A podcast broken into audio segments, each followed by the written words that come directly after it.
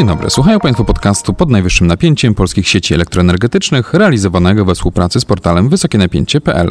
Tłumaczymy w nim, jak działa system elektroenergetyczny i rynki energii. Opinie ekspertów spółki wypowiadających się w podcaście nie są oficjalnym stanowiskiem PSE. Nazywam się Bartłomiej Derski, jestem dziennikarzem portalu wysokienapięcie.pl i będę mieć przyjemność poprowadzenia dzisiejszej rozmowy.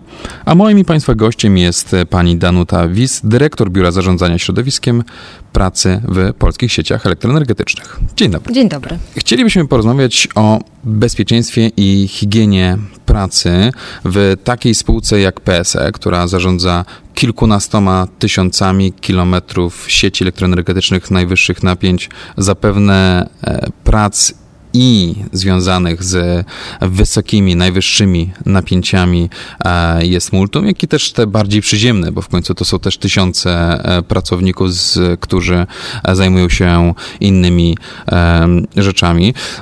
Szczerze powiedziawszy, jak um, przypomnę sobie, jak 10 lat temu wyglądały kwestie BHP, um, gdy mi zdarzało się przyjeżdżać na, na, na elektrownie, stacje elektroenergetyczne e, w Polsce i porównywałem to z wyjazdami na, na podobne instalacje przemysłowe za granicą, to było widać te, te różnice. Bardzo na serio podchodziło się do BHP e, w Stanach Zjednoczonych, w Skandynawii, w Niemczech, w Polsce. E, nieco mniej na serio, ale widać ogromne zmiany przez ostatnią e, dekadę. Dzisiaj też mam wrażenie, że bardzo duży nacisk kładzie się już na, na zabezpieczenie osób, które przebywają e, w tych obiektach e, przemysłowych. I chciałem zapytać też o Pani doświadczenia z tego, czy też widzi Pani tą, tą zmianę, bo zakładam, że nie jest to zmiana tylko po stronie BHP-owców, ale także pewnej świadomości wśród pracowników. Czy, czy rzeczywiście to się, to się zmienia, czy e, coraz bardziej na serio podchodzimy do tego, aby e, w pracy było bezpiecznie i aby nikomu nic się nie stało? Przede wszystkim musimy rozpocząć rozmowę od tego, że za bezpieczeństwo i higienę pracy nie odpowiadają tylko służby BHP.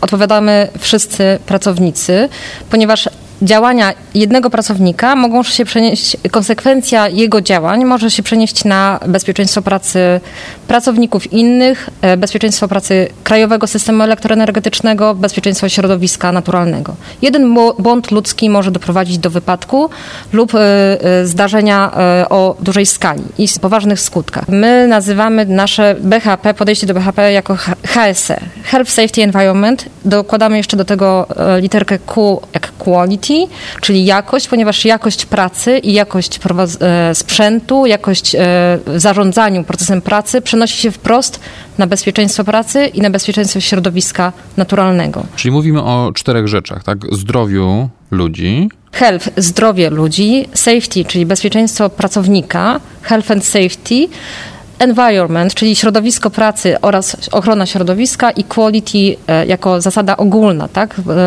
zasady e, jakościowe przenoszą się na bezpieczeństwo ludzi. Wszystko się przenosi na bezpieczeństwo człowieka i bezpieczeństwo środowiska. I w taki sposób, taki standard międzynarodowy, zdajemy sobie sprawę z tego, że język polski jest bardzo ważny, natomiast ten standard międzynarodowy przenosimy między innymi wykorzystując systemy zarządzania, które wdrożyliśmy i certyfikowaliśmy, międzynarodowe systemy zarządzania i ISO. Są to znane standardy, wdrożone w spółce mamy standardy ISO 14001, jest to system zarządzania środowiskowego i ISO 45001 to jest międzynarodowa norma BHP-owska, która w zeszłym roku została w naszej spółce certyfikowana. I te międzynarodowe standardy zintegrowaliśmy do jednolitych narzędzi pracy i w zakresie zarządzania bezpieczeństwem i higieną pracy oraz w zakresie zarządzania środowiskiem naturalnym widzimy y, potrzeby tych samych analiz, analiz zdarzeń, analiz y, związanych z planowaniem pracy, ponieważ tutaj opieramy się innymi na cyklu Deminga, PDCA, Plan Duczek Act. I tak naprawdę te wszystkie narzędzia są podobne do, do realizacji pracy w taki sposób, żeby e, pilnować środowiska pracy, żeby odpowiednio nim zarządzać od planowania poprzez realizację, doskonalenie, sprawdzenie, szukanie przyczyn i wdrażanie wniosków, uczenie się na błędach czasami i w taki sposób pracujemy. Z jakimi najniebezpieczniejszymi sytuacjami mamy do czynienia w przypadku no, prac wykonywanych w ramach PSE albo e, u podwykonawców pracujących dla PSE? Przede wszystkim pracujemy w energetyce zawodowej i z najwyższymi napięciami. 220 kV i 400 kV to są napięcia, których wyższych nie ma w Polsce, jeśli chodzi o organizację pracy. A przypomnijmy, w domowych gniazdkach mamy 230 V. W tych sieciach, na których Państwo pracujecie, mamy 400 tysięcy voltów, czyli tysiące razy większe napięcie, które może w ułamku sekundy zabić człowieka. Tak, potwierdzam.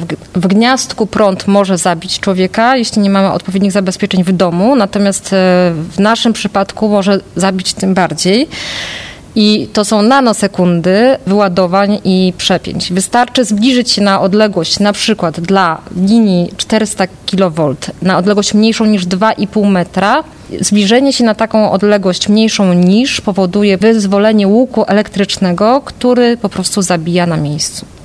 Gdyby ktoś chciał się wspiąć na słup elektroenergetyczny, no niektóre są takie kratownicowe. Jest to zabronione ale gdyby niestety komuś przyszedł taki głupi pomysł, to rozumiem, że to nie jest nawet kwestia niedotknięcia przewodów elektroenergetycznych, tak. ale po prostu, jeżeli wejdziemy odpowiednio. Zbliżenia się w strefę bezpieczną zbliżenia się w strefę działania łuku elektrycznego.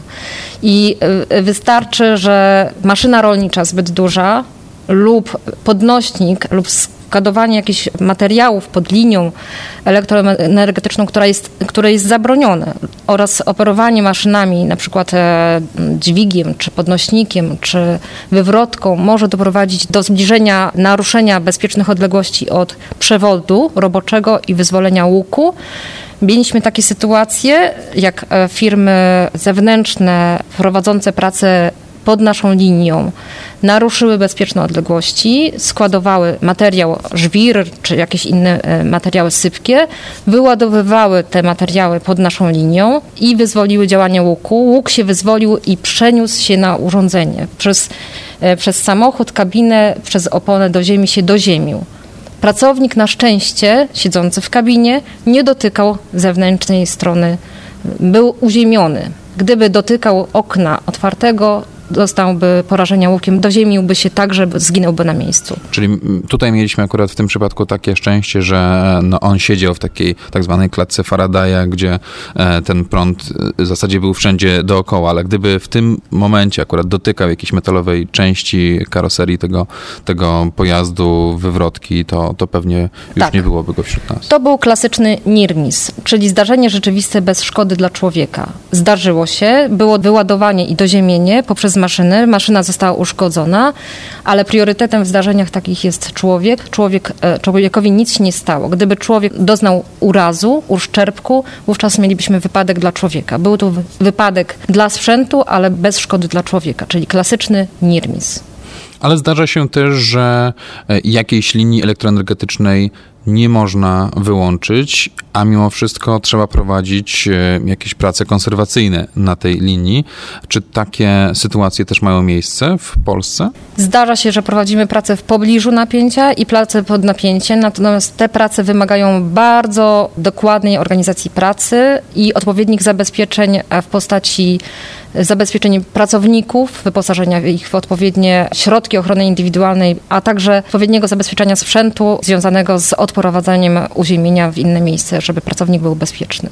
Czy zdarza się, że tych wszystkich zabezpieczeń, które powinny być e, podczas prac pod napięciem albo w pobliżu najwyższych e, napięć dochodzi do wypadków śmiertelnych wśród pracowników czy PSE, czy firm pracujących dla PSE? Zdarzają się wypadki śmiertelne w energetyce zawodowej. Tak. Możemy jakiś e, przykład przywołać też ku przestrodze dla tych z Państwa, którzy nas słuchają. W naszej spółce od kilku lat nie było zdarzenia śmiertelnego wśród pracowników wywołanego organizacją pracy i stwierdzonego wypadku przy pracy. Natomiast wśród wykonawców w ostatnich latach mieliśmy kilka takich zdarzeń śmiertelnych. I te zdarzenia wynikały między innymi z błędów organizacyjnych dotyczących pracy, Nasza praca w energetyce zawodowej, szczególnie w PSE, jest pracą, która opiera się na wymaganiach prawnych, e, odpowiednich rozporządzeniach w BHP i e, instrukcji bezpieczeństwa i higieny pracy e, przy urządzeniach i instalacjach energetycznych. To jest nasza, nasza taka biblia, od której wychodzą pozostałe procedury i instrukcje wewnętrzne. I błędy związane z organizacją pracy czasami doprowadzają oraz błędy ludzkie doprowadzają do zdarzeń tragicznych. Większość zdarzeń e, według statystyk GUS-u z 2019 roku, 2020 rok jest e, trochę niemiarodajny, ponieważ tych zdarzeń wypadkowych e, ze względu na epidemię było znacznie mniej wszędzie. Natomiast 3 czwarte zdarzeń wypadkowych dla człowieka, wypadków przy pracy, wynika z błędów popełnionych przez człowieka. Ponad 75% wypadków przy pracy wynika z błędów. Y, około 20% zdarzeń wynika z błędów organizacyjnych, więc mamy co robić, jeśli chodzi o świadomość ludzką i e, e, komunikowanie o zasadach, e, szkolenia, pilnowanie. Nie możemy chodzić na skróty. Musimy eliminować rutynę w miejscu pracy. Czasami presja czasu powoduje to, że realizujemy zadania zbyt szybko albo jesteśmy myślami gdzieś indziej. W swojej praktyce zawodowej miałam do czynienia z tym, że zazwyczaj wypadki przy pracy dla człowieka zdarzają się już pod koniec pracy. Czyli jak pracownik jest już zmęczony i myślami może być gdzieś indziej. Więc te zdarzenia, tutaj mamy co robić i przestrzegamy zawsze pracowników na temat tego, że w, w sytuacji prac szczególnie niebezpiecznych, w warunkach szczególnego zagrożenia muszą być skupieni na ponad 100%. Czy może Pani przywołać przykład z ostatnich lat, kiedy to właśnie błędy ludzkie doprowadziły do wypadku? Mieliśmy takie zdarzenie e, tragiczne kilka lat temu. Na dwóch liniach były prowadzone podobne prace Natomiast na jednym e, równoległym słupie było podane napięcie, na drugim nie było podane napięcie i pracownik wszedł nie na ten słup, na który powinien. I skończyło się to niestety tragicznie. To była linia 220 kV, natomiast wyciągnęliśmy wnioski, przeanalizowaliśmy e, zdarzenie. Jednym z takich narzędzi moich ulubionych krótko z analiz RCA. Analizę RCA zrobili, e, wykonaliśmy. Wciągnęliśmy wnioski poważne, które wdrożyliśmy w organizacji pracy wewnątrz firmy, natomiast te wnioski wprost przenoszą się także na organizację pracy wykonawców, ponieważ wykonawcy, realizując pracę na rzecz PSE, wykonują je zgodnie z naszą instrukcją bezpieczeństwa i higieny pracy przy urządzeniach i instalacjach energetycznych potocznie ją nazywamy IOBP, Instrukcją Organizacji Bezpiecznej Pracy i wykonując pracę na rzecz PSE, pracę na pisemne polecenie, wykonawcy muszą uwzględniać zapisy naszej organizacji pracy w PSE. I te wnioski, które wyciągnęliśmy z analizy źródłowej, przyczyny pośrednie, których doszukaliśmy się, zostały wdrożone i nowymi narzędziami w pracy w postaci na przykład list kontrolnych, które mają prowadzić jak za rękę czasami nasze e, zespoły i osoby funkcyjne i podpowiadać nie zapomnij o tym, o tym i o tym ponieważ rutyna często, jak zapomnimy o jednej rzeczy, może doprowadzić do zdarzenia niebezpiecznego. A nasze prace to są prace szczególnie niebezpieczne w warunkach szczególnego zagrożenia i wymagające odpowiedniej sprawności psychofizycznej. Te prace muszą być realizowane przez kompetentny, świadomy zagrożeń personel, więc strefa pracy musi być sprawdzona. Bezpośrednie sąsiedztwo, które może zmienić się z dnia na dzień albo z godziny na godzinę, jeśli warunki atmosferyczne się zmieniają, może się zmienić i należy e, być cały czas świadomym tego, że warunki zewnętrzne mogą wpłynąć na naszą pracę.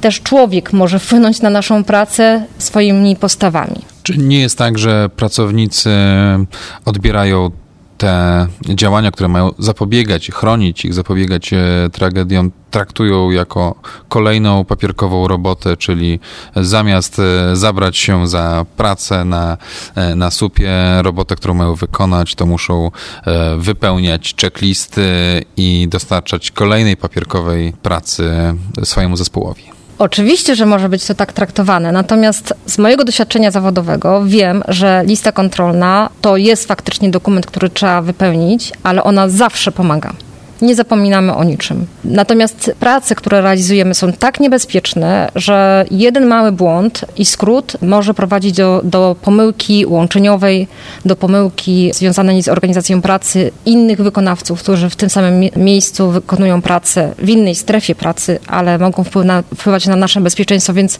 osoby dopuszczające do pracy osoby funkcyjne, dopuszczający, koordynatorzy, nadzorujący muszą mieć oczy dookoła głowy i powinni uwzględniać te listy kontrolne, które zawsze im pomogą po to, żeby o niczym nie zapomnieć. Jak przekonać ludzi, aby na serio podchodzili do zasad BHP i rzeczywiście stosowali je w pracy? Takie przekonywanie pracowników to nie jest proces szybki. Musimy zmieniać DNA organizacji, zmieniać DNA pracowników i przede wszystkim edukować pracowników i współpracowników i wykonawców, po co to robimy. Zależy nam na jednym, żeby wrócić do domu i pójść pobiegać, obejrzeć sobie coś na Netflixie, czy przeczytać ulubioną książkę. A żeby to zrobić, musimy być bezpieczni w pracy. I jeśli pracownicy widzą realne korzyści, widzą, że świadomość jest coraz większa, że kultura bezpieczeństwa jest inna, że reagujemy na ich zgłoszenia, wówczas widzą, że jest tym sens, a przede wszystkim muszą wiedzieć, że to jest dla nich, dla ich bezpieczeństwa. Od kilku lat w spółce mamy systemy zgłoszeń zagrożeń i pozytywnych obserwacji. Zbieramy informacje na temat tego, co się dzieje na naszej infrastrukturze i wśród naszych wykonawców. Zbieramy pozytywne obserwacje środowiska pracy, czyli dobre praktyki, ale też zbieramy informacje na temat zdarzeń potencjalnych, niebezpiecznych warunków pracy, niebezpiecznych zachowań, a także zdarzeń rzeczywistych tych wypadkowych czy niermisów. Taka platforma zgłoszeń funkcjonująca u nas w spółce doprowadziła do tego, że pracownicy wiedzą, że mogą zgłosić zagrożenie, wiedzą, że my reagujemy na te e, zgłoszenia, mogą to zrobić przede wszystkim anonimowo. I często korzystają z tej możliwości? Tak, wczoraj mieliśmy wysyp jednego z inspektorów nadzoru e, zgłoszeń chyba 15 z jednej inwestycji, więc świadomość rośnie, bo widzą pracownicy, że my reagujemy i wprowadzamy, wprowadzamy działania korygujące. Czasami korekcyjne, te działania doraźne. To wymaga czasu. Nie możemy czasami wprowadzić jednego działania bardzo szybko, ponieważ wymaga to nakładów, zaangażowanie nie tylko służb BHP, ale wszystkich, ponieważ wszyscy pracują na rzecz BHP. Taka platforma zgłoszeń, statystycznie w zeszłym roku mieliśmy ponad 1600 samych zgłoszeń poprzez platformę zgłoszeń.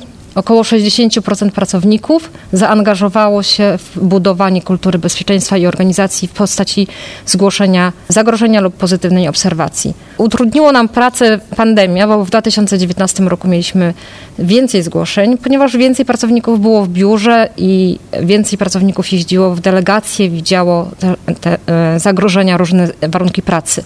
Natomiast dajemy feedback, odpowiadamy na zgłoszenia, robimy co możemy, żeby wdrażać działania korygujące w procesie pracy. Robimy kampanie informacyjne na temat bezpiecznych warunków pracy czy zagrożeń w środowisku naturalnym także.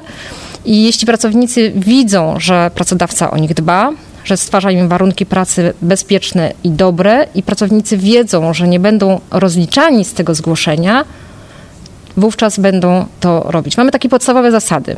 Stop work policy, czyli widzisz, reaguj, zatrzymaj się. Jeśli coś widzisz, zareaguj, zgłoś. Mamy zasadę zaangażowania wszystkich, bo wszyscy jesteśmy odpowiedzialni za bezpieczeństwo engagement of all.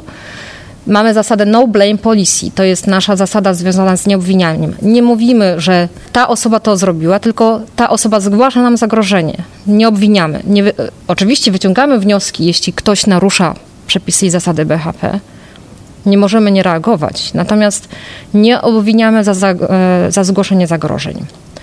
Mamy kilka innych zasad, drugs and alcohol policy, nie możemy wiadomo stosować pewnych środków e, w firmie i z takich sytuacjach wyciągamy wnioski. Natomiast reagujemy, angażujemy się, nie obwiniamy, pracownicy o tym wiedzą, organizujemy wydarzenia, organizujemy konkursy, jeśli pracownicy nie wiedzą, to mogą zapytać nas zawsze, w jaki sposób prowadzić korekty lub e, zgłosić zagrożenie. Pomagamy im zrozumieć. I jeśli pracownicy widzą, że reagujemy, wówczas są naszymi ambasadorami, bo jesteśmy wszyscy odpowiedzialni za bezpieczeństwo pracy.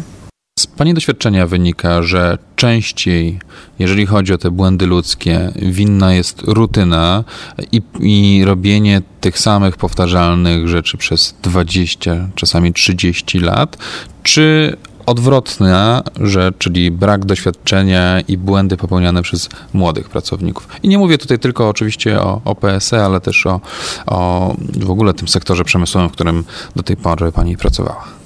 Z jednym i z drugim stwierdzeniem się zgodzę. Osoby, które długo pracują w miejscu pracy, w energetyce zawodowej czasami ta rutyna nie może występować, ponieważ warunki pracy są z dnia na dzień mogą być inne. Natomiast jeśli zbyt długo pracujemy w jakimś środowisku pracy, to ta rutyna w pewnych rzeczy już nie widzimy i może dochodzić do błędów. Brak wyszkolenia, brak kompetentnych zasobów, brak czasu na szkoleń to jest też podstawowa przyczyna zdarzeń rzeczywistych ze szkodą. Jak uczyłam się różnych technik analizy zdarzeń wypadkowych, to trzy czwarte przyczyn źródłowych to są szkolenia. Jeśli nie szkolimy pracowników, jeśli nie poświęcamy czasu na wytłumaczenie, jak co zrobić, jeśli nie pogłębiamy tej wiedzy, jeśli nie sprawdzamy, czy wiedzą, czyli ćwiczeniami różnymi, wówczas może dochodzić do pomyłek. Dlatego mamy symulatory, mamy długi proces wdrożenia pracowników. Pracownik na stacji elektroenergetycznej bez doświadczenia nie może samodzielnie realizować pracy. Co najmniej przez dwa lata trwa u nas przysposobienie pracownika do pracy, żeby uzyskał pełen wachlarz kompetencji, ale uprawnień i odpowiednich egzaminów wewnętrznych naszych. Tu nie ma kompromisów w naszej firmie z uwagi na rodzaj prac, ponieważ jedna pomyłka może doprowadzić do awarii systemowej. Mówiliśmy do tej pory o tych największych, najgroźniejszych zagrożeniach, które potrafią kosztować ludzkie życie, ale spodziewam się, że statystycznie rzecz biorąc, to nie są najczęstsze przyczyny wypadków i mam nadzieję, że dużo bardziej błahe są najczęstsze wypadki. Czy mogłaby Pani w takim razie powiedzieć o tym, do jakich zdarzeń najczęściej dochodzi w firmie? Szczęśliwie w naszej spółce, odkąd pracuję w tej spółce, zdarzają się wypadki lekkie przy pracy. Był taki rok, w którym mieliśmy pięć wypadków, stwierdzonych wypadków przy pracy i cztery piąte tych wypadków to były wypadki pracowników biurowych, które wynikały z najczęstszych przyczyn potknięcia, poślizgnięcia, upadki. To był uraz nóg, e, urazy kolana, skręcenie kostki czy złamanie ręki. Pięć wypadków dla Na... firmy zatrudniającej 2,5 tysiąca osób to jest bardzo mało. To jest malutko odpukać w niemalowane. To był rok najgorszy, jeśli chodzi o statystyki związane z liczbą wypadków przy pracy w spółce. Cały czas rozmawiamy i o e, bezpieczeństwie w ramach PSE i u podwykonawców, bo rozumiem, że to też jest e, część e, z Pani pracy, zajmowanie się też bezpieczeństwem w firmach, które dla Państwa pracują. Firmy pracujące dla nas są swoim pracodawcą dla swoich pracowników, natomiast my poprzez współpracę na podstawie umów zawieranych z wykonawcami możemy egzekwować od wykonawców pewnego standardu prac. Zmieniliśmy, zaktualizowaliśmy klauzule umowne, wprowadziliśmy wytyczne HSEQ dla wykonawców. One są nawet dostępne na naszej stronie zewnętrznej PSE. I w tych wytycznych, w tych klauzulach umownych zawieramy wymagania, które stawiamy wykonawcom. Przestrzegaj wykonawco wymagań prawnych. Przypominamy, co należy do obowiązku wykonawcy w zakresie realizacji prac jakichkolwiek ponieważ prawo jest ogólne i jednakowe dla wszystkich. Natomiast z uwagi na to, że stale podnosimy standardy pracy, w tym bezpieczeństwie, wdrażamy rozwiązania o wyższym standardzie niż wymagania prawne, związane z dobrym planowaniem pracy i reagowaniem i wymagamy tego od wykonawców. Więc nie dość, że określamy pewne standardy w umowach, wprowadzamy taryfikatory kar, HSE, które egzekwujemy i kilkukrotnie już takie kary naliczyliśmy za brak realizacji zgodnie z wymaganiami umowy w zakresie bezpieczeństwa pracy oraz ochrony środowiska, bo jednakowo traktujemy te dwa aspekty, ale przede wszystkim co robimy? E, mamy umowy podpisane z wykonawcami, to są wykonawcy realizujący prace inwestycyjne, budują dla nas linie, stacje, ale to są także umowy eksploatacyjne, awaryjne, wycinka drzew, malowanie konstrukcji słupów. W tych umowach zawieramy klauzule umowne. Potem jedziemy na taką inwestycję lub uzgadniamy proces pracy, proces realizacji i sprawdzamy wykonawcę, czy przestrzega warunków umownych i, i przepisów ogólnych BHP i ochrony środowiska. Kilkaset razy jesteśmy u wykonawców w skali roku, Mamy harmonogramy kontroli i sprawdzeń BHP, ochrony środowiska oraz HSEQ. Z każdej takiej kontroli u wykonawców spisujemy odpowiedni raport, uzgadniając termin i sposób realizacji, przede wszystkim termin realizacji. Niektóre prace zatrzymujemy. Zatrzymujemy, jeśli stwierdzamy nieprzestrzeganie przepisów tu i teraz.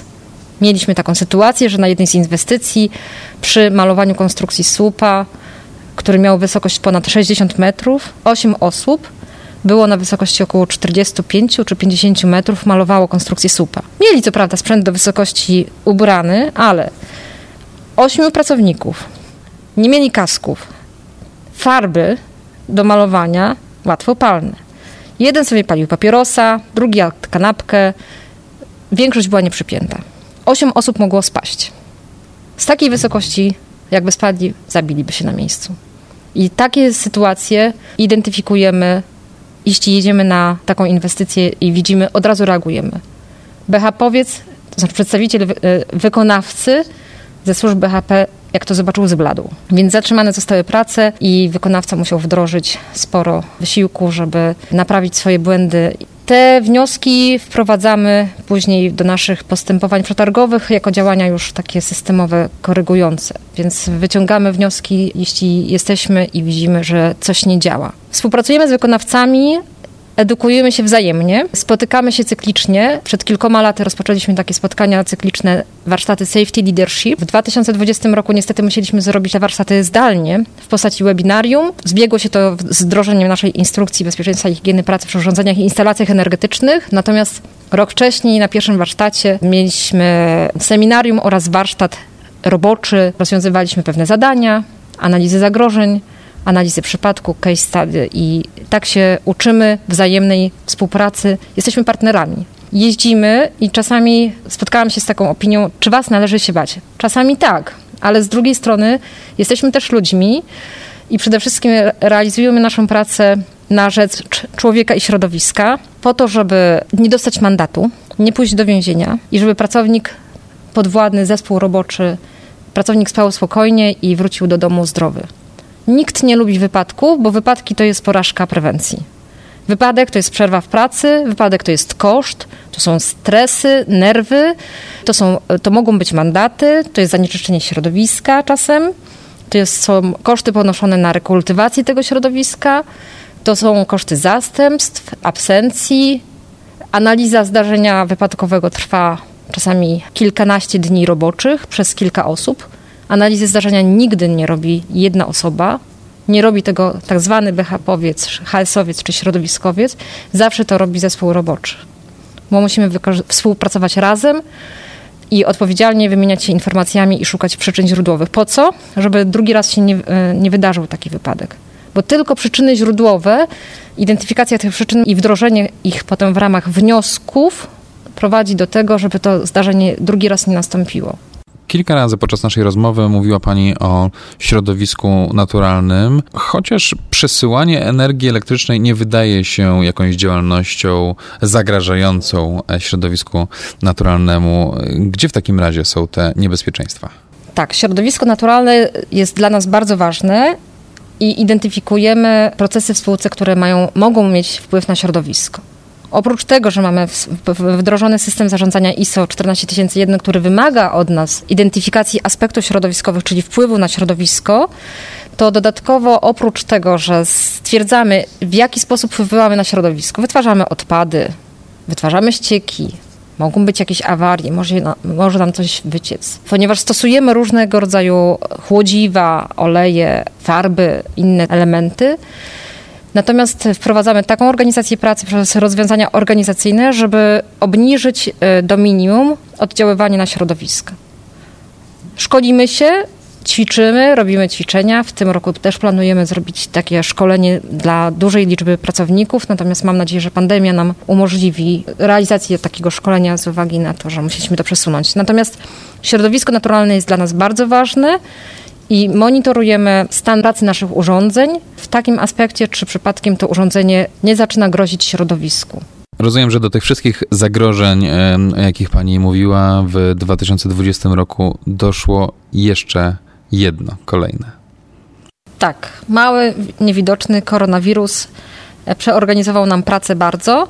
W spółce w styczniu zeszłego roku, z uwagi na organizację pracy międzynarodową wręcz, został już powołany zespół kryzysowy. Pierwszy komunikat napisaliśmy na ten temat 23 stycznia 2020 roku, na temat e, zagrożenia wirusowego. Przewróciło to nam pracę. Wprowadziliśmy trochę wytycznych, które utrudniły czasami pracę. Odseparowaliśmy załogę. Szczególnie zastosowaliśmy moją ulubioną, e, jedną z ulubionych e, metod hierarchii kontroli zagrożeń, eliminacja. Odeliminowaliśmy się od źródła, ale przede wszystkim chroniliśmy naszą kluczową załogę, która steruje systemem, która jest prawie nie do zastąpienia. Jest dla nas bardzo ważnym czynnikiem tutaj. To jest to grono osób, które w krajowej dyspozycji mocy zarządza całą siecią najwyższych napięć i gwarantuje de facto bezpieczeństwo energetyczne całego kraju. Tak, ale to są też pracownicy stacji elektroenergetycznych, którzy znają swoje stacje na wylot i także dla nich wprowadziliśmy odpowiednie zasady bezpieczeństwa, które dotyczą zarówno pracowników spółki, którzy przyjeżdżają do pracowników y, na stację, ale i pracowników wykonawców. Nie Te mogą się spotykać? Mogą się spotykać, ale spotkania są warunkowe. Warunkujemy je w postaci odpowiednich zabezpieczeń środków ochrony indywidualnej, odległości, organizacji pracy związanej z e, mierzeniem temperatury przed wejściem na teren stacji, odpowiednimi środkami piśmienniczymi. Chodzi o to, żeby ten dyżurny na terenie stacji był bezpieczny, ponieważ on jest dla nas chroniony bardzo. Natomiast wprowadziliśmy, tak jak każda spółka w Polsce, mnóstwo obostrzeń. Sukcesem dla nas jest to, że nie doprowadziliśmy do transmisji wirusa wewnątrz spółki. Reagujemy bardzo szybko posiadamy odpowiednie środki e, organizacyjne i zabezpieczające w postaci też środków dezynfekcyjnych oczywiście, ale i ozonatorów, lamp UV. Szereg firm to wprowadziło, natomiast wszystko po to, żeby nasza załoga kluczowa była bezpieczna i nasi pracownicy byli bezpieczni i procesy pracy i ciągłość działania była zapewniona, żeby nie doszło do, do ważnej awarii systemowej czy wyłączenia prądu. Mówiła pani Danuta Wis, dyrektor Biura Zarządzania Środowiskiem Pracy w PSE. Dziękuję bardzo.